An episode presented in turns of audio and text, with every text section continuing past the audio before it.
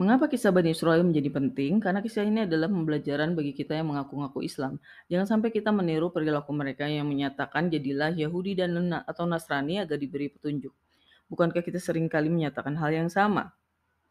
Kita memerintahkan orang masuk Islam agar mendapat petunjuk, padahal petunjuk bukanlah ada pada agamanya, melainkan tergantung amalan kita. Tuhan meluruskan pernyataan Bani Israel dengan berkata, kalaupun mau mengikuti suatu agama, maka ikutilah milah Ibrahim yang hanif. Kita sudah paham bahwa milah Ibrahim dibangun dari empat doa Ibrahim, maka sudah dipastikan Ibrahim seorang muslim dan tidak menyekutukan Tuhan dengan apa pun. Jadi tidak ada milah lain yang diakui Tuhan kecuali milah Ibrahim dan jangan sampai kita seperti mereka menjadikan Islam sebagai milah. Maka mereka yang telah mendapat petunjuk adalah mereka yang beriman dengan Allah dan apa yang diturunkan pada Muhammad berupa Al-Quran dan apa yang diturunkan pada Ibrahim, Ismail, Ishak dan keturunannya yang diberikan pada Musa, Isa dan nabi-nabi. Pada Tuhan memuslimkan diri atau menyerahkan diri. Mengislamkan diri tidaklah cukup, kita juga harus mengabdi dan mengikhlaskan diri pada Tuhan.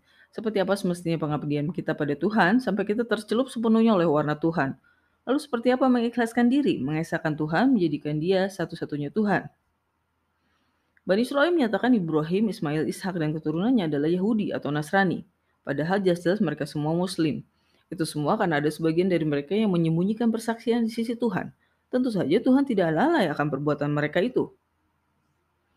Bani Israel menyembunyikan persaksian digolongkan orang yang zolim. Kezoliman sungguh lu, luas mencakup banyak sekali perbuatan, termasuk di dalamnya melarang orang berzikir di masjid dan bahkan berusaha merobohkannya.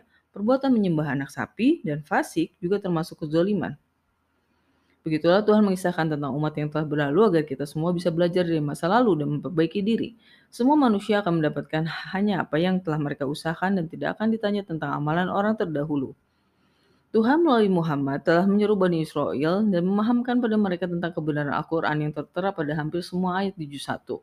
Kita tahu Bani Israel bukannya menerima kebenaran dari Tuhan, malah terus memberikan argumen kosong pada Rasulullah. Apa yang Tuhan tetapkan kemudian, dia memindahkan kiblat dari Baitul Maqdis yang merupakan kiblat Bani Israel ke Masjidil Haram. Tempat Ka'bah berada yang ditinggikannya potensi oleh Bani Israel, oleh Ibrahim dan Ismail, nenek moyangnya Bani Israel, agar mereka menyadari kekeliruan mereka selama ini. Jika mereka mengakui turunan Ibrahim, mengapa mereka tidak mengakui bahwa Ibrahim adalah Muslim, pun keturunan awal dari Bani Israel?